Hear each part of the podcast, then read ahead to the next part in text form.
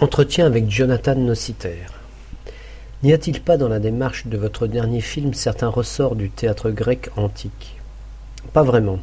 J'ai étudié le grec ancien à l'université, c'est ma formation, mais c'était plutôt Homère que les tragédiens.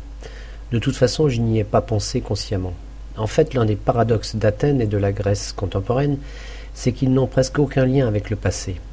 C'est quand même un pays qui est une construction de l'impérialisme européen du début du XIXe siècle, c'est-à-dire la Russie, la France et l'Angleterre, qui ont décidé d'en faire un pays. Il n'y avait pas de pays en Grèce depuis presque 2000 ans. C'était une province lointaine de l'Empire ottoman et avant en Crète de la Byzance. Mais c'est donc ce qui est tragique en Grèce, ce manque total de lien avec le passé. C'est moins le berceau de la civilisation que son cercueil. Dans votre film, on a la nette impression que chaque personnage et chaque lieu sont reliés les uns aux autres. Qu'avez-vous voulu exprimer par là? Les liens entre les gens dans le film ne sont pas établis à travers des relations psychologiques ordinaires. Je voulais essayer de rentrer dans quelque chose de très affectif où les personnages réussissent à pousser le spectateur à ressentir qu'ils sont des êtres humains, mais aussi que leurs échanges se mêlent de façon presque onirique, et que cela reste toujours psychologiquement crédible, et j'espère émouvant, mais pas dans le sens sentimental ou corrompu des Spielberg et compagnie, qui méprisent l'être humain. Leur cinéma est tellement cynique, d'un cynisme vraiment pur. Ce qui se passe dans nos vies est toujours extrêmement complexe et souvent à moitié insaisissable. Nos relations de la vie courante face au travail, aux proches et aux inconnus sont faites de compréhension et d'incompréhension psychologique qui sont pour moi l'essence même de mon cheminement de cinéaste. C'est vraiment cela que j'essaie de saisir dans mon processus de création, et je n'aborde pas ça de façon intellectuelle, mais plutôt de façon sensorielle et passionnelle. Pour résumer, je tente essentiellement de mettre en scène des personnages en train de vivre leurs obsessions. L'intérêt pour moi, et je pense aussi pour les acteurs, c'était de se perdre dans cette qualité d'échanges humains et de laisser le film suivre cette espèce de tourbillon de désarroi mental et affectif. Un des traits de Signs and Wonders est ces personnages que vous filmez souvent derrière une fenêtre, un mur, une cloison. Est-ce pour accentuer ce sentiment d'isolement les uns face aux autres Est-ce un genre de poste d'observation pour vos personnages? Les choix de caméra sont évidemment extrêmement importants. Ils doivent se nourrir les uns les autres et ne pas être basés uniquement sur une envie passagère ou sur un bel effet. Ces choix doivent se retrouver au carrefour de beaucoup de préparations.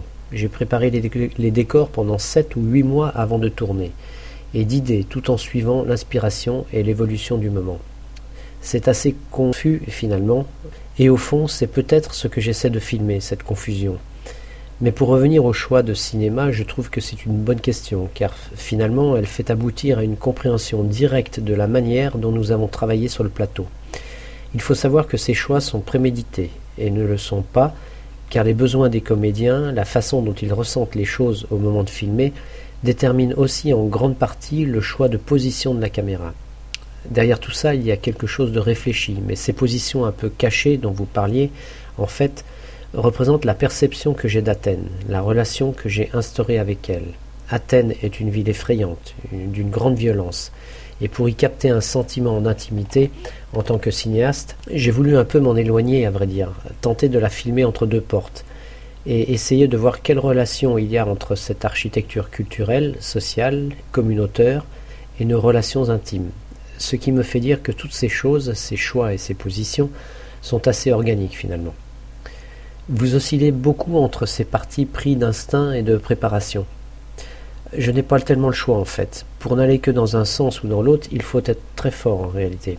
Il faut être soit un génie de la préparation comme Hitchcock, ou alors un génie de l'instinct comme Casavets. Mais pour nous qui ne sommes que des humains, je pense que le moment cinématographique le plus intéressant est celui où les deux se croisent. Et ce croisement est forcément très surréel, car il s'agit de surimposer deux choses qui ne devraient pas coller, mais on espère que dans le rêve, ça colle. Et cela amène une angoisse très forte sur le plateau, quelque chose de très intense et parfois insupportable. J'ai déjà rencontré des gens qui avaient été à la guerre comme soldats, et qui après ont réalisé des films. Ils m'ont tous dit que c'était presque aussi dangereux d'aller à la guerre que de faire un film, sauf qu'évidemment sur un plateau c'est beaucoup plus dangereux. Vous semblez très proche de vos personnages.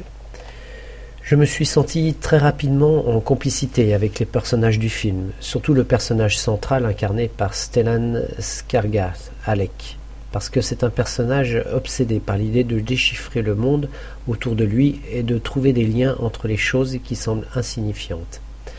Dans votre dernier film, vous semblez lancer quelques flèches vers cet état actuel qui tend vers la mondialisation.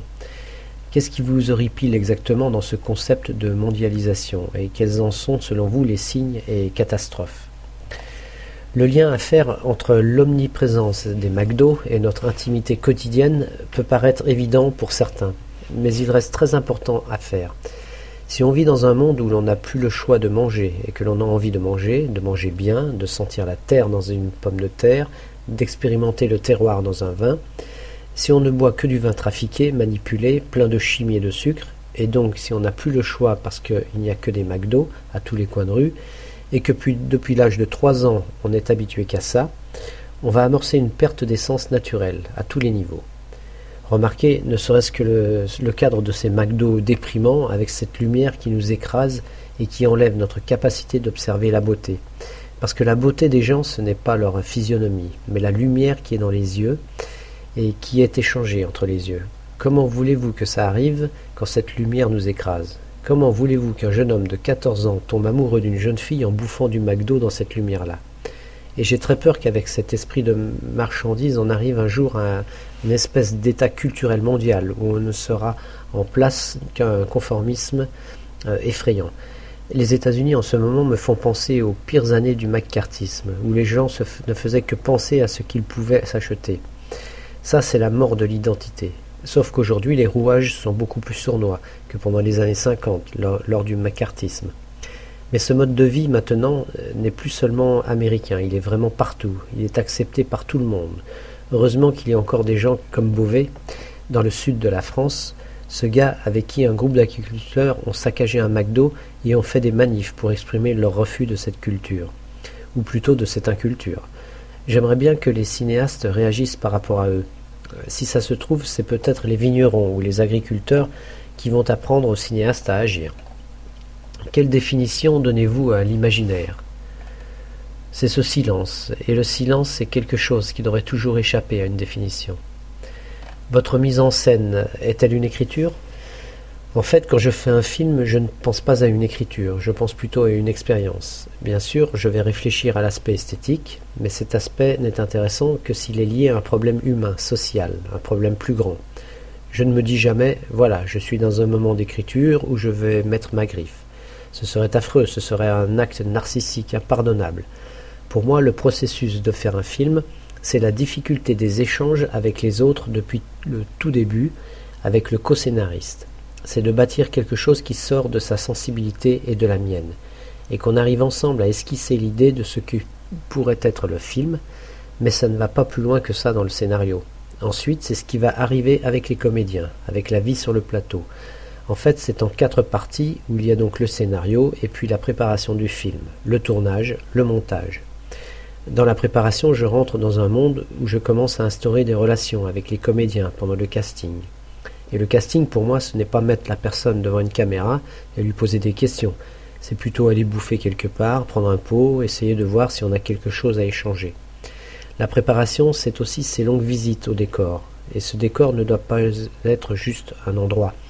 Il faut que ça prenne un caractère presque sacré, dans le sens où on se demande si on va être capable de consacrer tout ce qu'on peut ressentir à un lieu qui va quand même faire partie de l'expression d'un moment humain entre ces comédiens, un moment de rêve. Et ce qu'on rêve à ce moment-là n'a rien à voir avec la réalité du tournage, où tout va très vite et où on a beaucoup de pression, où l'on est dans un autre état d'inconscience, qui n'est pas méditatif, comme ça l'est pendant la préparation. Et après, c'est le montage, où il y a encore une autre couche de réalité ou d'irréalité qui s'ajoute, surtout pour Signs and Wonders, où j'avais 125 euh, heures de rush et où je vous épargne la description des moments de lutte avec la monteuse. Voilà un peu ce que c'est pour moi faire un film.